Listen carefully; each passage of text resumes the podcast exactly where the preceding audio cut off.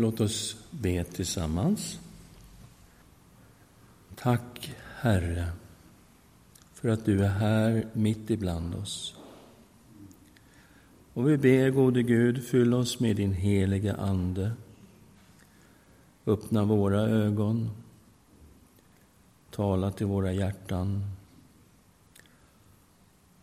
Och tala till oss genom ditt ord, vi ber. I Jesu Kristi namn.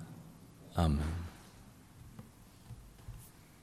Ja, i eh, slutet på mars så var Margareta och jag i Jordanien. Och vi tänkte vi måste hitta Gilead, bergsbygden Gilead, vi måste hitta där Elia kommer ifrån. Ja, det här är alltså en bild av Gilead. Situationen i landet på Elias tid. Vi är på 800-talet före Kristus. Kungen heter Ahab. Och han regerade i Samaria. Här ser ni ruinerna i Samaria och ni ser på kartan där var Samaria låg. Hela riket var delat. Norra delen av Israel hette Israel och hade Samaria som huvudstad. Södra delen av landet hette Juda och där var Jerusalem huvudstad. Och vi befinner oss i det norra riket, det som kallades Israel och hade Samaria som huvudstad. Och det står i Bibeln att kung Ahab var en mycket ond kung. Han gjorde mer ont än alla de som varit kungar före honom. Han gifte sig med Isabel. Hon kom från Sidon, hon var prinsessa, dotter till kungen i Sidon och hon förde in dyrkan av Bal i stor skala i Israel. De byggde Balstempel där i Samaria och de började lära folket hur man dyrkar Bal. Och Bal han var ju en fruktbarhetsgud. Han stod för att det skulle bli stora skördar och fruktbarhet på alla områden i livet. Han var en gud som kontrollerade regn och storm och åska. Så han var mycket inne på det här med skörd och regn och att det skulle växa bra. Och de förföljde Herrens profeter. De lyckades döda alla Herrens profeter, varenda en utom Elia. Så var situationen i landet. Balstyrkan bredde ut sig överallt. Och det fanns över 400 Balsprofeter. Men en Herrens profet var kvar. Han hette Elia. Och vi tog oss då till Gilead, hittade Tishbe, där Elia var född. Han kom från Tishbe. Det står om honom att han bar en hårmantel. Jag vet inte exakt vilket djur det handlade om, om det var kamel eller om det var får eller vad. Men en hårmantel hade han. Väldigt ovanligt. Hans namn betyder min Gud är Jahve. Och när man tittar på hela hans liv så är det ju det det går ut på. Vem är det som är Gud? Det är Jahve som är Gud, inte Baal. Och Elia kallades av Herren att gå inför kung Ahab i Samaria. Han gick dit, Första Konungaboken 17.1. Tishbiten Elia, som kom från Gilead, sa till Ahab, så sant Herren, Israels Gud, lever, honom som jag tjänar. Under de här åren ska varken dagg eller regn falla om inte jag säger det. Så det måste alltså komma ett Guds ord genom profeten Elia, annars skulle det inte bli något regn. Och titta på pluralet, åren, mer än ett år, faktiskt mer än två år.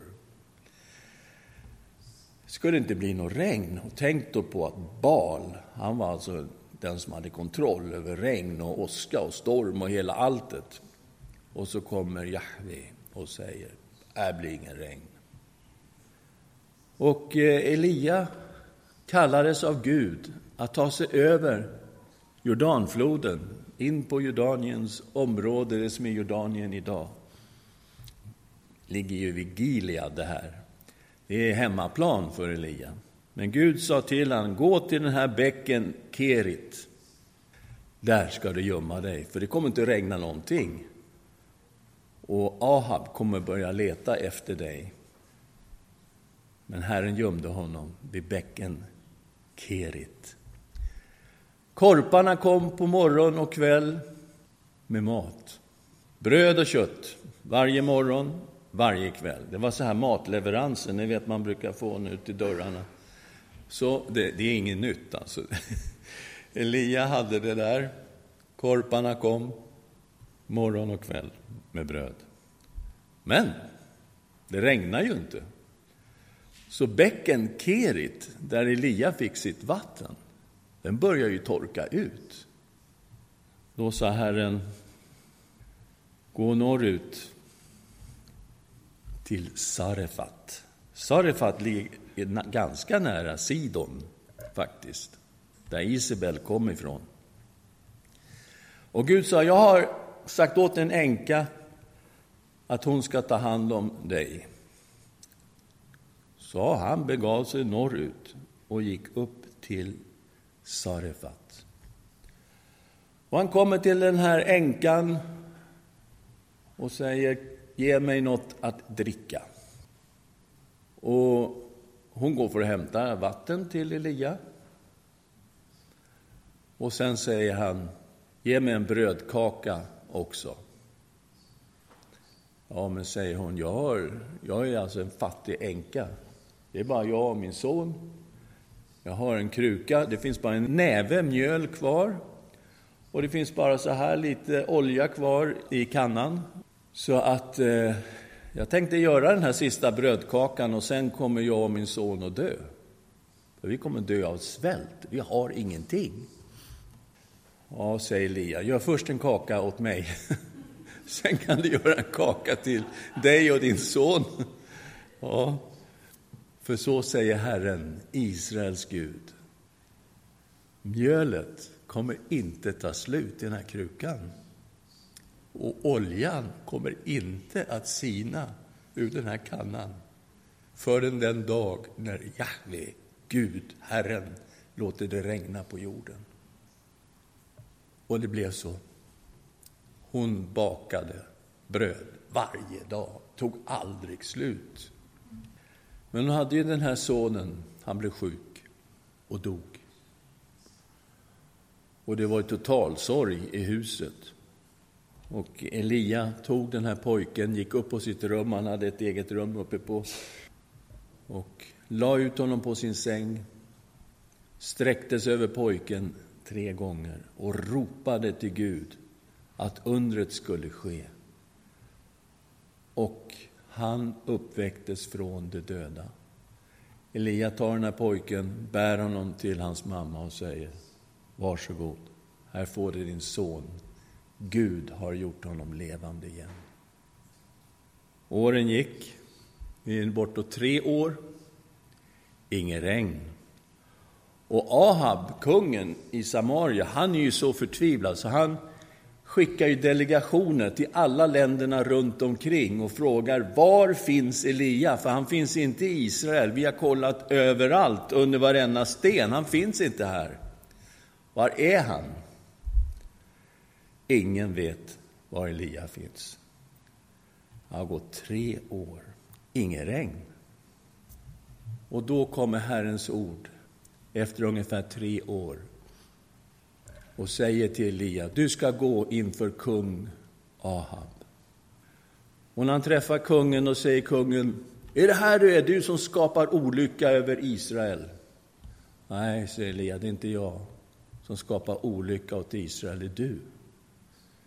Du har övergett Herren, Du har övergett förbundet som Gud har gjort med Israel.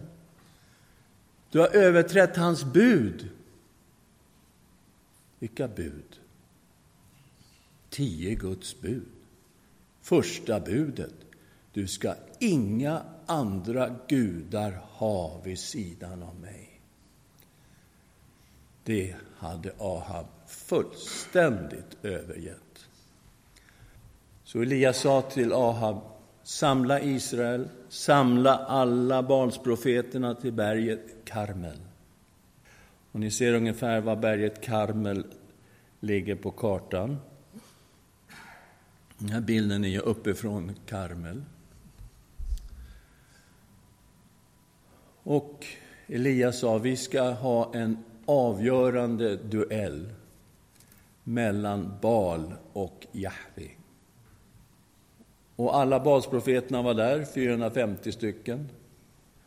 Och Elias sa, vi ska ha två tjurar, ett altare för Baal, ett altare för Herren. Här är veden, lägg den uppe på, stycka tjurarna, lägg dem uppe på, men tänd ingen eld.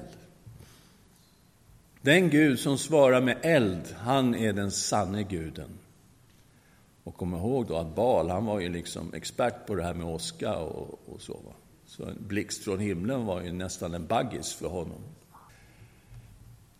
Så, de började, basprofeterna, från morgonen till middagen och de dansade runt altaret och de ropade efter Bal att han skulle tända eld. kom ingen eld.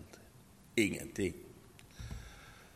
Och Elia, han var ju lite sådär, så han sa, men han, han kanske sover, sa Elia. Nej, men han är nog på resa. Nej, han har något annat för sig. Ropa högre, han hör kanske inte. Och de skrek och ropade och dansade, som de gjorde i den här kulten.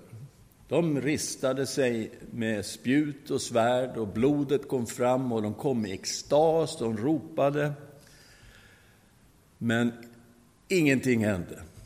Klockan tre på eftermiddagen, när det är dags för matoffret, då kallade Elia till sig folket. Och han ställde ordning ett altare som en gång hade stått där, som var rest i Herren. Det hade tolv stenar, en sten för varje stam i Israel. Han byggde upp det här altaret igen, la på veden, la på tjuren. Och så sa han, här finns det fyra krukor med vatten, ös på fyra krukor. Om öste på fyra krukor vatten. Alltså, nej, nej, nej. Fortsätt. En gång till. Och öste på en gång till. Öste på igen. Tredje gången. Tolv krukor sammanlagt med vatten. Och allting bara flöt i vatten. Och Elia hade grävt ett dike runt om, så det var fullt med vatten överallt.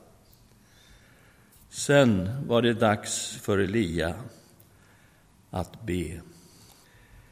Vi kommer till den 36 versen i Första Kungaboken, kapitel 18. Då tiden var inne att frambära matoffret trädde Elia fram och sa Herre, Abrahams, Isaks och Israels Gud.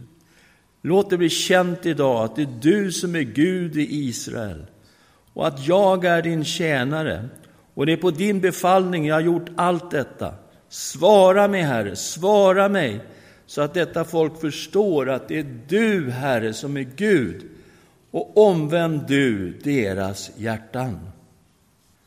Då föll eld från himlen ner och förtärde brännoffret, veden, stenarna och jorden och torkade upp vattnet som fanns i diket. När allt folket såg det föll de ner på sina ansikten och sa, det är Herren som är Gud, det är Herren som är Gud. Och vad betyder Elia? Min Gud är Jahve, Herren. bra om storyn slutar där. Det gjorde den inte riktigt. Den fortsatte. Elia sa, grip alla 450 Balsprofeter och dräp dem allihopa. Och de dräpte 450 Balsprofeter där på berget Karmel. Men det hade inte regnat något, så Elias sa till Ahab, jag hör lite sus av regn, det är bäst att du börjar äta nu så att du hinner klart innan regnet kommer. Och så föll Elia ner på sitt ansikte, han bad som en värsta muslim. Men det är inte så. Det är ju så att muslimerna ber som man gjorde i Gamla testamentet och som de första kristna gjorde. Han föll ner på sitt ansikte och han bad. Han bad om regn. Han skickade upp sin tjänare och sa, titta ut mot havet, kommer det något moln någonstans? Nej, inget moln. Han bad igen, inget moln. Sjunde gången så kommer tjänaren tillbaka och säger, ja men det, det är ett litet, litet pyttemoln, ser ut som en hand ungefär. Elias säger till kung Ahab, skyndare. Nu måste du upp i din vagn, för nu kommer regnet. Och det blev alldeles svart på himlen och det spöregnade. Och Herrens kraft kom över Elia. Han sprang framför kung Ahabs vagn, rakt över den här slätten. Ni ser början av den här. Och här, Jezreelslätten, han sprang rakt över hela den här slätten framför kungens vagn. Han hade nog vunnit maratonlopp, tror jag, om han hade varit med i det. Man tycker, oj, vad bra. Kanske storyn slutar här, med Elia liksom segrare, sprang rakt över Israelslätten. Nej, sluta inte där. Isabel. Oj, oj, oj. Vi är i kapitel 19, vers 1 och 2. Ahab berättade för Isabel allt som Elia hade gjort, att han hade dödat alla profeterna med svärd.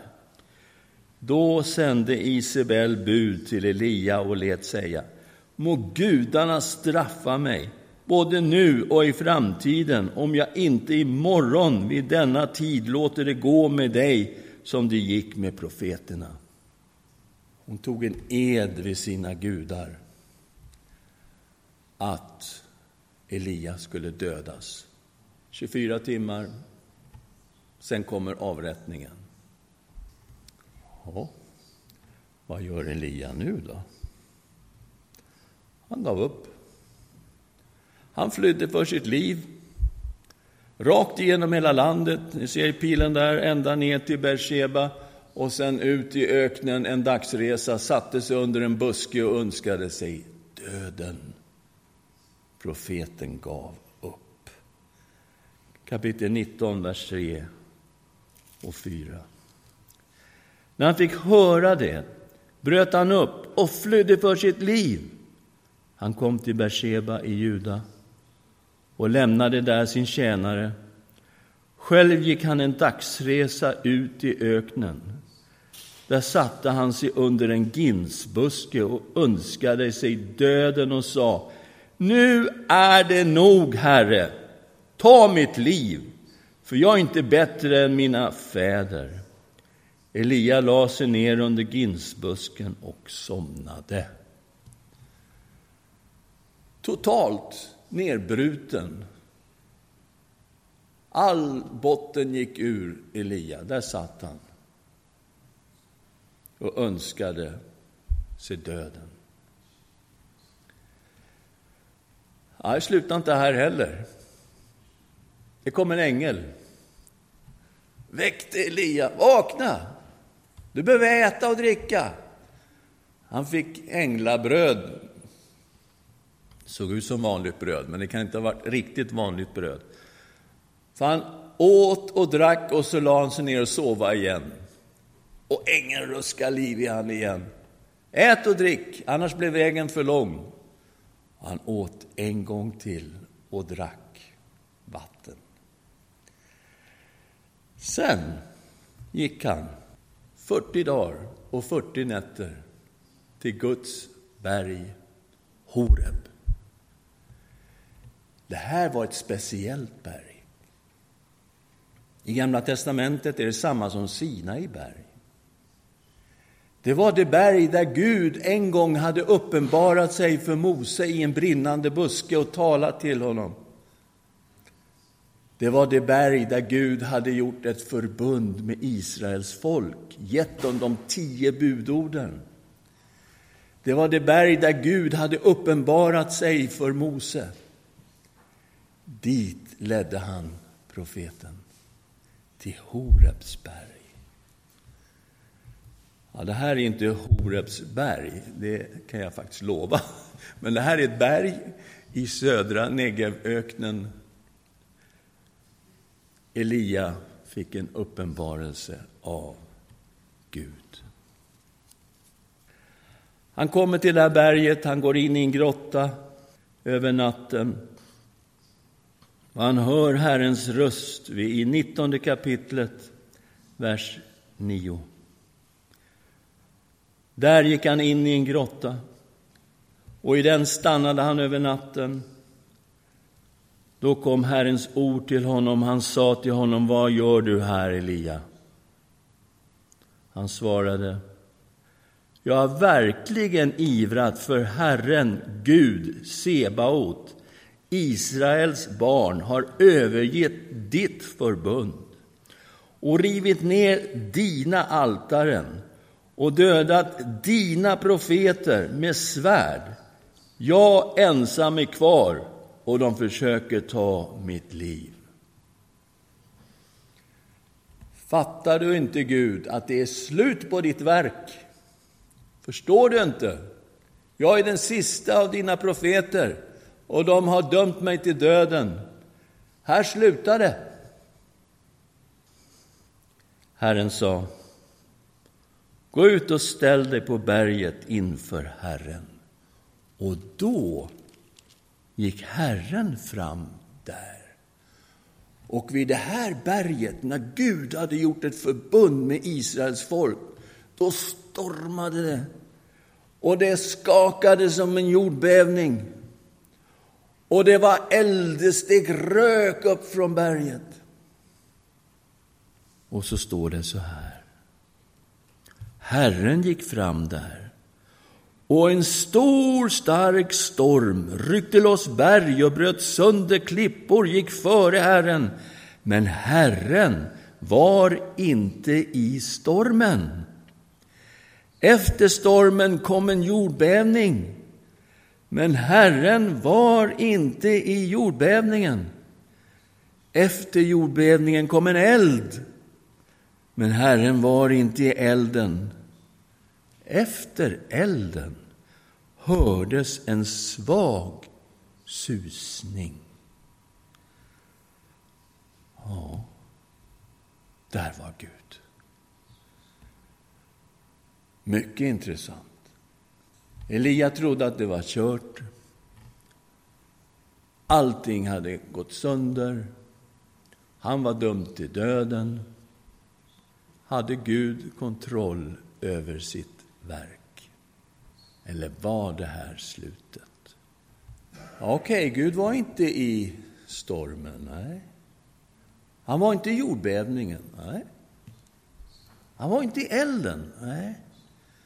Men han var i den sakta, stilla susningen. Gud hade kontroll, fortfarande, fast allting såg helt hopplöst ut. När Elia hörde en svag susning gömde han sitt ansikte med manteln för att inte se på den helige. Det var därför. Och han gick ut och ställde sig vid ingången till grottan. Då kom en röst till honom som sa vad gör du här, Elia? Han svarade Jag har verkligen ivrat för Herren Gud, Sebaot, Israels barn, har övergett ditt förbund, rivit ner dina altaren, dödat dina profeter med svärd. Jag ensam är kvar och de försöker ta mitt liv. Därför är jag här, för att det är kört. Vad säger Gud? Herren sa till honom, gå tillbaka igen. Ta vägen till Damaskus öken, gå in och smörj Hasael till kung över Aram. Jehu, Nemshis son, ska du smörja till kung över Israel. Elisha, Shafats son, från Abel Mehola ska du smörja till profet i ditt ställe. Och det ska ske att den som kommer undan Hasaels svärd ska Jehu döda, och den som kommer undan Jehus svärd ska Elisha döda. Men jag har lämnat kvar i Israel 7000 män som inte har böjt knä för barn och inte gett honom hyllningskyss. Guds verk slutade inte med profeten Elia. Han hade en plan hur de skulle gå framåt. Han hade 7000 män som inte hade böjt knä för Baal och inte gett honom sin hyllningskyss. Elia visste inte vilka de här var. Men Herren såg var och en av dem som följde honom och var trogen honom. Han fick tydliga instruktioner hur arbetet skulle föras vidare. Och man läser, man läser och undrar, vad händer nu? Jo, det första som händer är att Elia går iväg och han smorde Elisha till sin efterträdare. Nu var de två profeter, Elia och Elisha. Vilket team! Man läser om nya profetskolor som börjar spira upp i landet. En i Betel, en i Jeriko. Nya profetlärjungar, Herrens profeter, börjar växa upp i landet. Elisha var den som smorde Hasal till kung över Aram. En av profetlärjungarna var den som smorde Jehu till kung över Israel. Exakt det som Gud sa till profeten Elia utfördes till punkt och pricka. Gud förde sitt verk framåt. Vad kan vi lära oss? Ja, den här bilden är tagen från Jordanien. Och Israel är på andra sidan, Jordanfloden i mitten. Det står en kyrka där. Det var där Elia blev upptagen till himlen. Det sista vi läser om Elia är hur han och Elisha korsar Jordanfloden, går över, mitt emot Jeriko, går de över på andra sidan. Och det kommer en vagn av eld med hästar av eld och tar profeten till himlen. Han fick en himmelsfärd. Och då tänker man, den här profeten lever resten av sitt liv med en dödsdom över sitt liv. Drottningen i landet har tagit en ed av sina gudar och kommer att döda Elia vid första bästa tillfälle. Han dog inte ens. Herren tog honom direkt till himlen. Vi får lära oss att Herrens verk beror alltid ytterst på Herren själv. Alltid. Herren visste det profeten Elia inte visste. Det fanns 7000 män som inte hade böjt knä för Baal. Gud hade koll på varenda en. Herren hade en plan. Han genomförde den. Profeten Elia var slagen i skorna. Han behövde möta Gud. Han fördes till Guds berg Horeb. Där fick han sitt möte med Jahve. den Gud som han tjänade. Det var där Mose fick möta Gud. Och Guds härlighet kom över Mose. Gud såg också att profeten behövde få möta honom. Och så är det med oss också. Vi behöver de här mötena med Gud.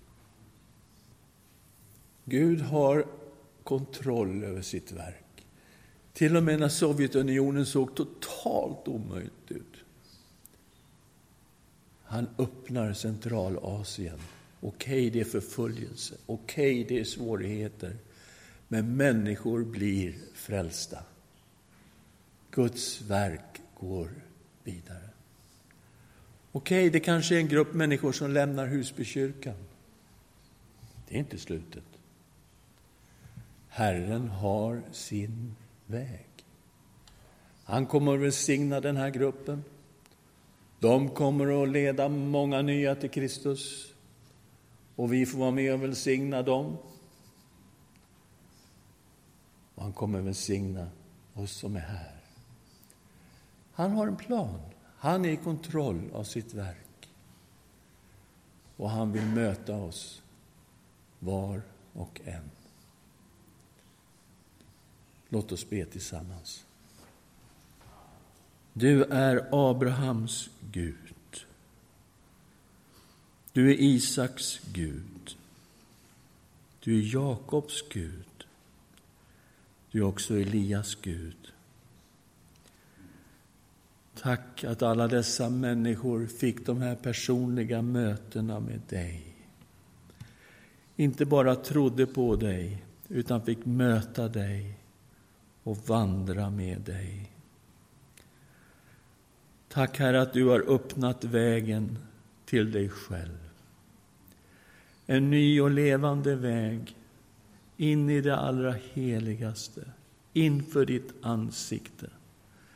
Precis som Georg läste här i inledningen. Att vi får frimodigt gå fram till nådens tron och begära nåd och hjälp i rätt tid. Tack Jesus Kristus, Guds älskade son, att du har öppnat vägen också för oss.